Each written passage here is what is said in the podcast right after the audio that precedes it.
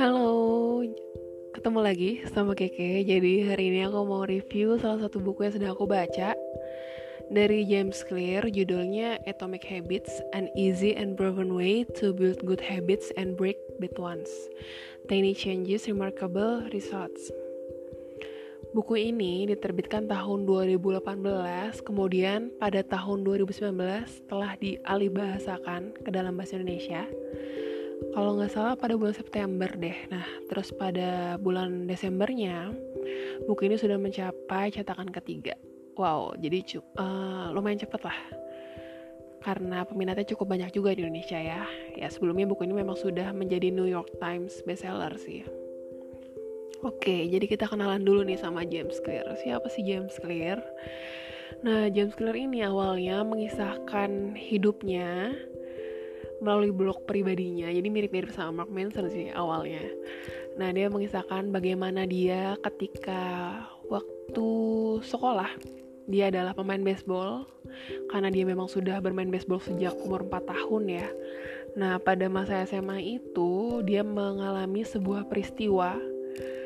Lebih tepatnya sebuah kecelakaan yang cukup berat ya. Maksudnya dia apa uh, kena pukulan dari tongkat baseball itu ke wajahnya oh my god. Sehingga uh, dia me mengalami apa ya masa-masa yang cukup berat. Karena setelah itu dia harus bolak-balik ke rumah sakit untuk perawatan segala macam. Dan itu cukup menghabiskan banyak waktu juga. Sampai akhirnya dia harus uh, berpikir kalau misalnya gue kayaknya nggak bisa nih kayak gini terus gitu karena menjadi pemain baseball profesional adalah salah satu tujuan utama dia dalam hidup gitu. Jadi ketika dia masuk ke masa perkuliahan, di situ dia menemukan turning pointnya. Nah, di situ dia mulai berubah sedikit demi sedikit. Jadi uh, diawali dari apa coba? Dari kebiasaan sehari-harinya yaitu misalnya dia harus uh, ngerapihin tempat tidurnya kayak gitu pokoknya banyak hal-hal kecil yang dia lakukan sampai akhirnya hmm, dia dapat berhasil kembali menjadi pemain baseball yang diandalkan dan masuk dalam tim utama. Wow ternyata bisa ya. Kadang kayak mikir apa ya sih ada hubungannya antara uh, beresin kamar tidur sama meraih kesuksesan di masa depan? Uh, well ternyata memang ada hubungannya kalau misalnya kita baca buku ini. Nah jadi menurut James Clear ini kebiasaan itu ada tiga tingkat. Yang pertama adalah tingkat apa yuk? Tingkat tingkat perubahannya itu ada perubahan hasil yang pertama. Kemudian yang kedua ada perubahan proses dan ketiga adalah perubahan identitas. Jadi kalau misalnya kita pengen berubah nih, jangan pikirin dulu hasilnya. Jadi yang kita pikirin adalah identitasnya. Misalnya gini, uh, gue pengen nerbitin 10 buku. Itu kan hasil ya. Tapi uh, menurut James Clear kita harus lebih fokus sama identitas apa sih yang pengen kita bentuk. Misalnya kita harus lebih uh, mikirin kayak gue pengen jadi penulis yang menginspirasi. Nah dari situ baru tuh muncul turunan-turunannya prosesnya apa saja yang harus kita harus uh, jalanin gitu. Dan itu memang terlihat lebih clear sih lebih apa namanya lebih wide juga dan terlihat lebih long lasting dibanding kita uh, apa namanya nargetinnya ke hasil. Kalau hasil kan takutnya ketika kita sudah mencapai hasil tersebut, kita malah berhenti melakukan kebiasaan-kebiasaan baik itu. Makanya kita harus fokus ke identitas apa sih yang kita pengen ubah gitu. Nah, jadi bagaimana sih uh, kita dapat mengubah kebiasaan itu, membangun kebiasaan ya? Dah, uh, ada empat tahap yang harus kita lakukan. Yang pertama itu adalah mendapatkan petunjuk atau cue, kemudian menumbuhkan gairah atau craving, kemudian yang ketiga adalah menanggapi atau respons, dan yang keempat adalah menikmati hasil atau reward. Nah, aku contohin ya, misalnya nih, selama WFH ini tuh menurut aku adalah momen yang tepat untuk membangun kebiasaan-kebiasaan baik itu.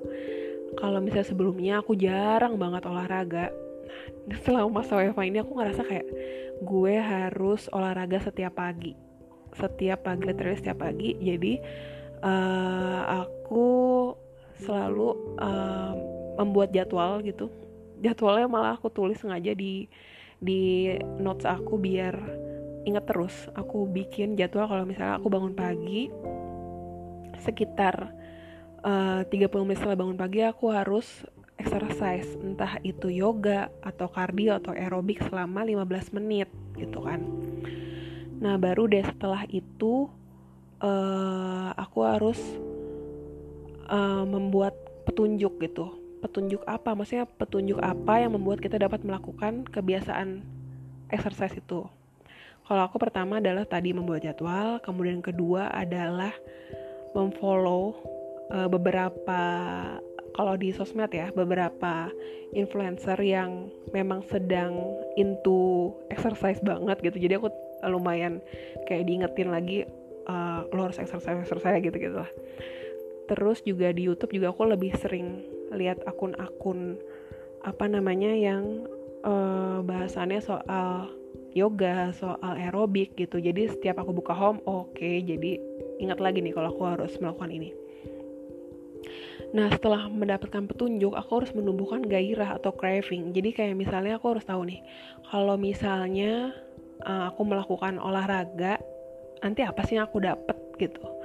Uh, dari situ gairah apa sih yang uh, bisa bikin aku segitu um, harus untuk melakukan itu jadi aku mikir uh, kembali lagi ya aku ingat kalau misalnya aku olahraga uh, efeknya adalah badan aku lebih segar aku bisa keringetan terus bisa lebih fokus menjalani hari karena itu benar-benar benar-benar terjadi selama berapa waktu ini gitu ya.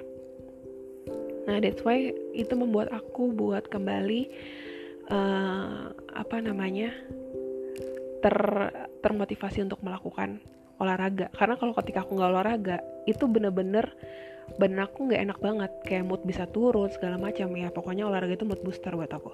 Kemudian setelah menumbuhkan gairah adalah menanggapi atau respons.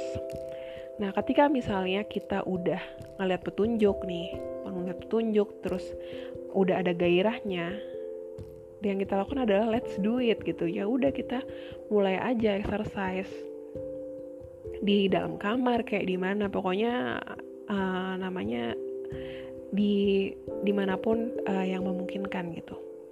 Dan yang terakhir adalah menikmati hasil atau reward. Nah jadi kalau misalnya kita udah melakukan itu melakukan exercise terus eh, memang tahap terakhir itu menikmati hasilnya uh, bagaimana badan kita terasa lebih segar misalnya setelah yoga.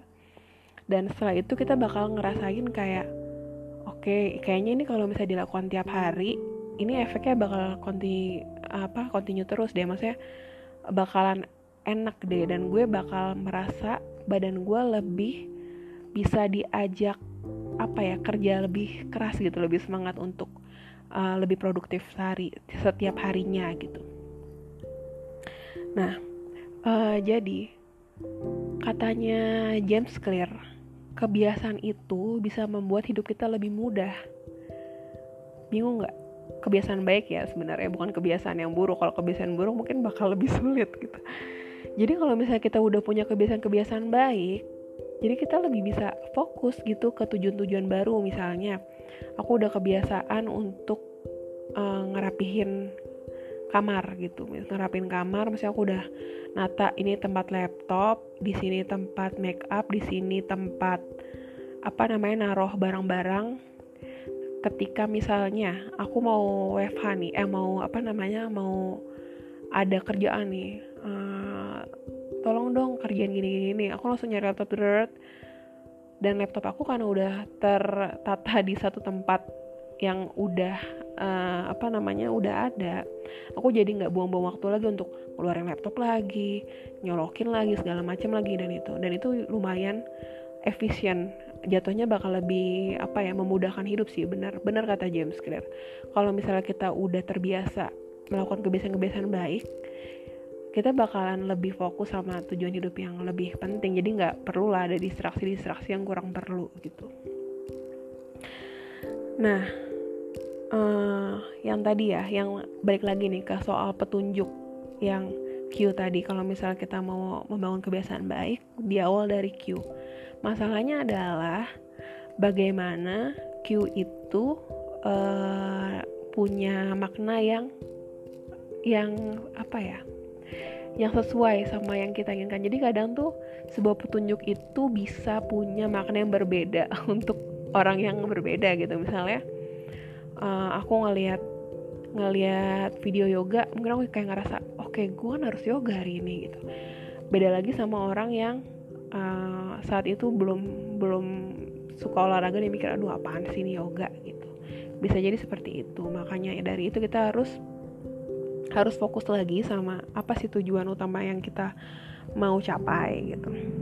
Nah jadi kalau misalnya empat fase tersebut semakin singkat dilakukan kalau misalnya nih kita udah kayak merasa makin hari makin aduh gampang deh kayaknya gue udah nggak perlu diingetin lagi petunjuk petunjuk petunjuk itu nggak perlu gue cek ulang gue udah tahu jam 7 gue harus yoga segala macam nah itu akan mempersingkat waktu kita untuk melakukan kebiasaan karena otak kita udah terproses gitu.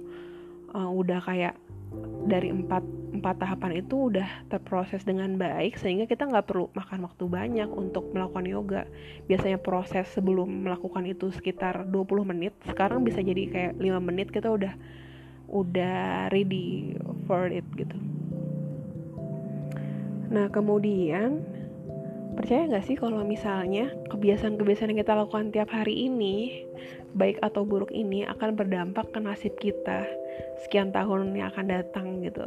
Who knows gitu? Kalau misalnya kita hari ini udah terbiasa apa namanya udah terbiasa hidup sehat apa makan makanan sehat ya mungkin nanti beberapa tahun lagi kita bakalan uh, lebih apa ya lebih sulit untuk terserang penyakit-penyakit berat gitu kan bisa aja kayak gitu beda lagi kalau misalnya kita dari mulai sekarang udah makan junk food terus, kemudian alkohol segala macam. Nah, pasti nanti dampaknya pun akan kita rasakan juga uh, beberapa tahun yang akan datang begitu.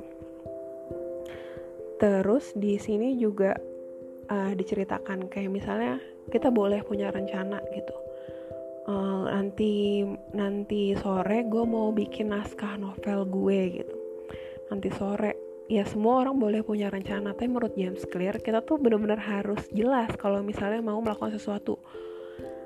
Kalau misalnya gue pengen nulis naskah ya ditentuin dulu ya ditentuin dulu misalnya gue mau nulis naskah jam 4 sore di kamar gue gitu. Itu kan lebih jelas. Jadi kalau misalnya hmm, ketika kita udah mendekati waktu itu kita bisa bisa ter apa ya tergerak untuk mulai mempersiapkan diri untuk melakukan itu. Beda sama kayak misalnya gue ntar mau bikin naskah ah mau bikin naskah tuh kapan gitu. Jadi lebih lebih abstrak dan ujung-ujungnya malah kita nggak nggak jadi-jadi lagi ngelakuin hal itu.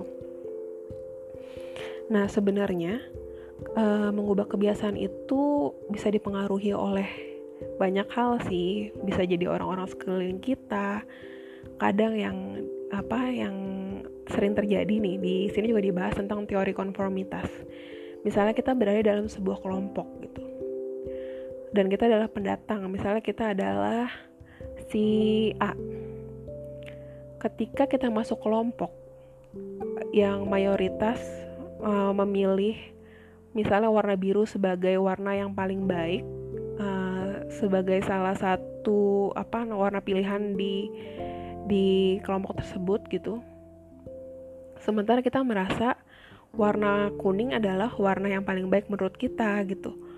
Tapi ketika kita berada dalam suatu kelompok, nggak mungkin kan kita malah apa ya uh, ingin berbeda sendiri sengaja mau apa memisahkan diri istilahnya kayak nggak mungkin nah dari situ kita melihat kalau misalnya uh, kita tuh selalu ingin menjadi uh, satu bagian dalam kelompok tersebut. That's why kita harus selalu sama.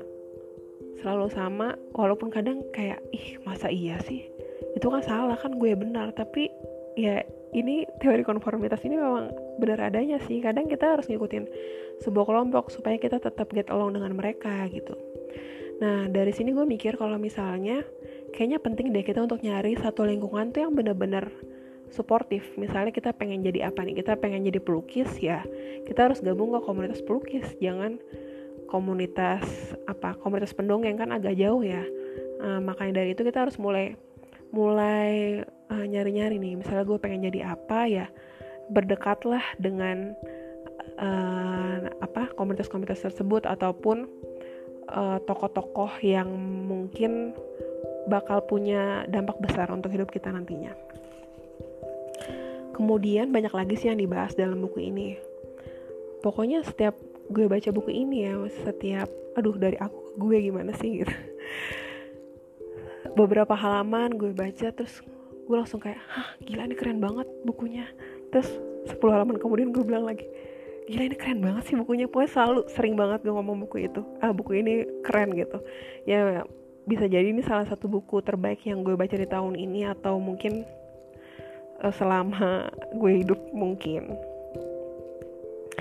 Nah terus di uh, diceritain lagi kalau misalnya kita tuh gak masalah kali berubah pelan-pelan pelan-pelan literally pelan-pelan dibanding kita mundur turn around gitu jangan deh.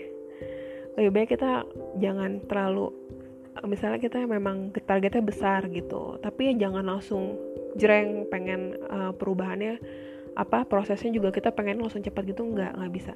Bukan nggak bisa sih maksudnya lebih baik kita sedikit sedikit dan itu menjadi kebiasaan dibanding kayak misalnya kita langsung 50% pengen mencapai itu.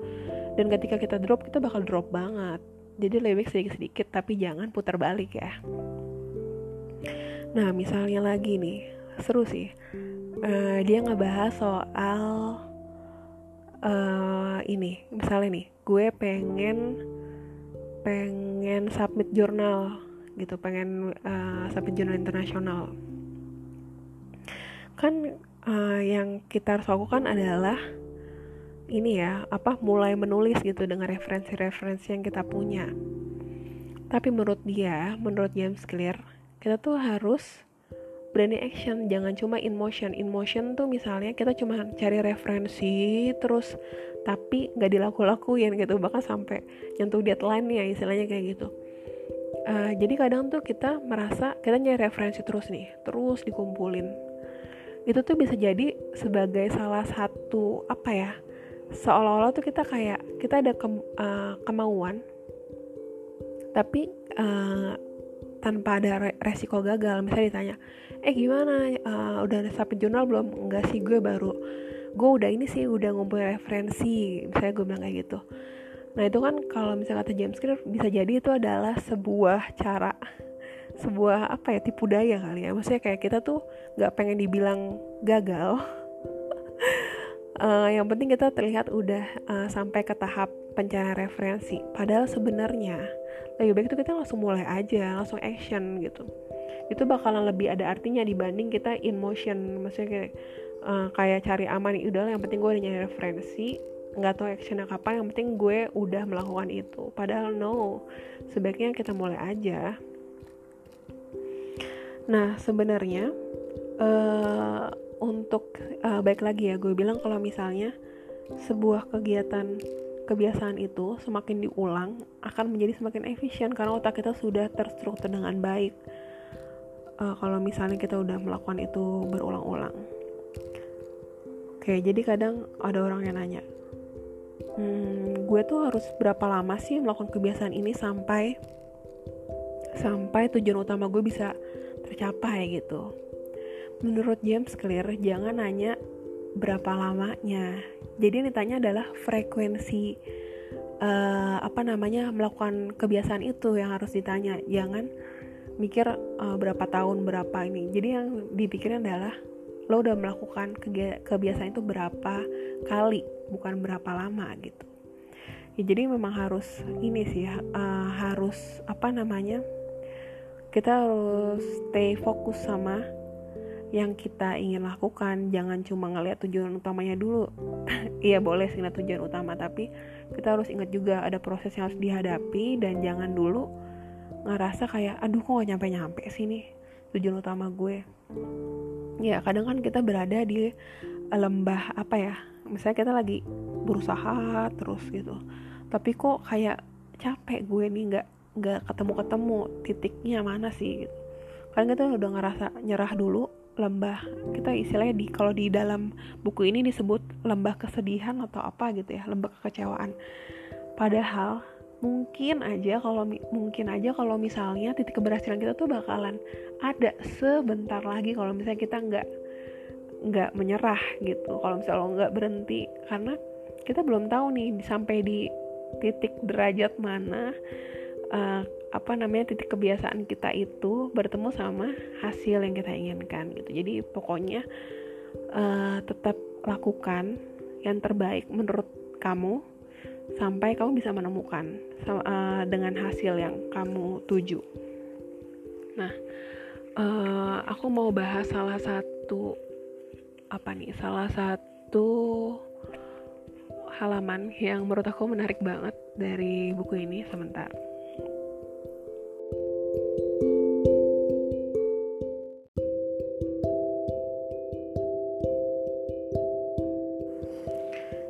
Satu part yang menarik adalah soal pertanyaan dari mana asal gairah atau nafsu.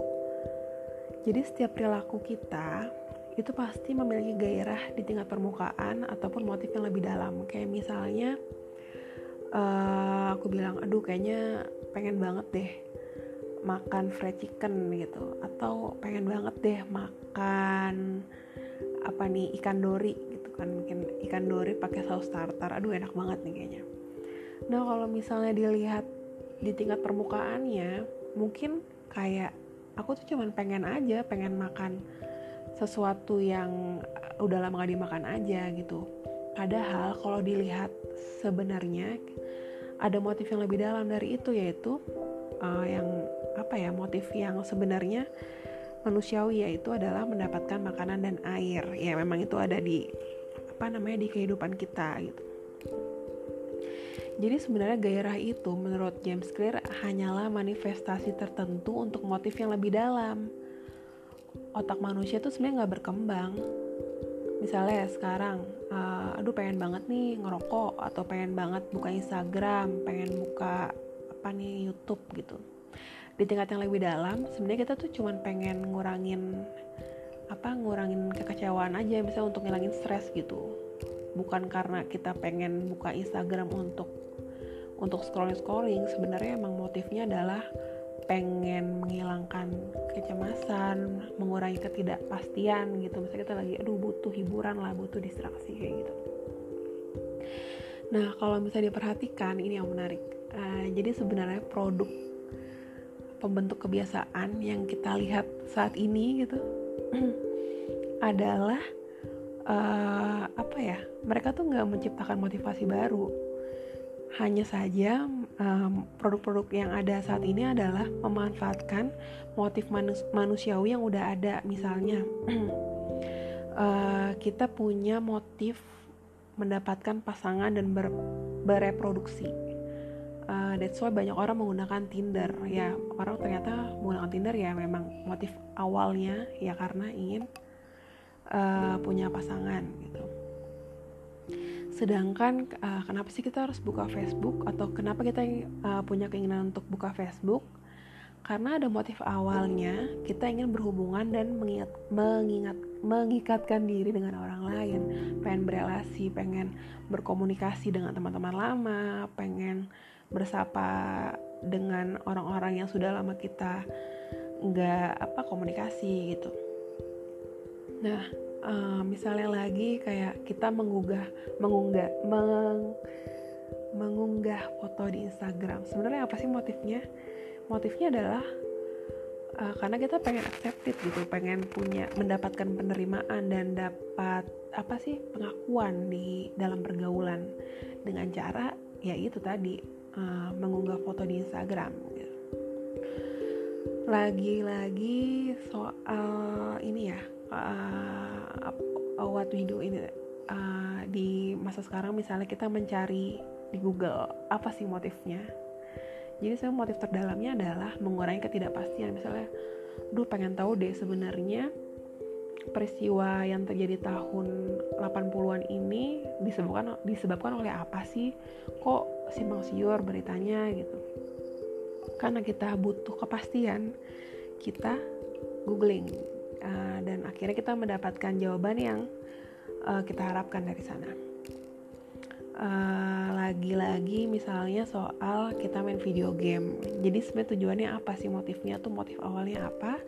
Motifnya adalah untuk meraih status dan prestis ya karena video game kita tahu sendiri ya gimana di sana ada ranking, ada bet apa battle, apa sih namanya ada persaingan segala macam yang membuat membuat kita merasa tertantang untuk punya uh, peringkat dan dan berakhir dengan uh, memiliki prestis gitu di kelompoknya. Nah sebenarnya di buku ini tuh banyak banget hal menarik yang bisa kita baca, kisah-kisah lucu yang kadang uh, kayak ngerasa ini beneran kejadian gitu? Ya memang benar bener kejadian di belahan dunia lainnya. Dan ternyata bisa jadi pelajaran juga untuk kita ternyata untuk menjadi orang yang lebih baik itu bisa dilakukan kok. Walaupun kelihatannya oh udah aku udah cukup puas sama diri gue saat ini gitu misalnya gitu. Padahal sebenarnya mungkin kualitas diri kita tuh masih bisa lebih baik loh bisa lebih tinggi dari yang saat ini. Bahkan mimpi-mimpi kita yang kita kubur kemarin-kemarin itu sebenarnya bisa kita keluarin lagi dan kita capai gitu. Kalau misalnya kita mau nyoba untuk mengubah kebiasaan-kebiasaan yang kurang bagus jadi uh, sesuatu yang lebih baik lagi yang untuk uh, bisa mendorong kita untuk mencapai tujuan itu. Kira-kira begitu sih uh, review aku soal buku ini. Menurut aku buku ini recommended banget untuk orang-orang yang lagi ingin memulai kebiasaan baru, memulai hidup baru dan apa ya untuk memberi pencerahan di tengah uh, kondisi yang kurang mengenakan saat ini ya kita tahu semua. Jadi aku sangat merekomendasikan buku ini. Uh, semoga kalian juga apa ya merasa dapat sesuatu yang baru ya setelah membaca buku ini dan boleh share ke aku kalau misalnya udah baca kita boleh share uh, kita sharing-sharing ceritanya gimana nanti boleh email atau uh, ke sosmed aku bisa oke sekian dulu reviewnya semoga apa ya semoga bisa menginspirasi kamu untuk menemukan bacaan baru di di akhir pekan ini dan sampai ketemu lagi di episode selanjutnya. Dah.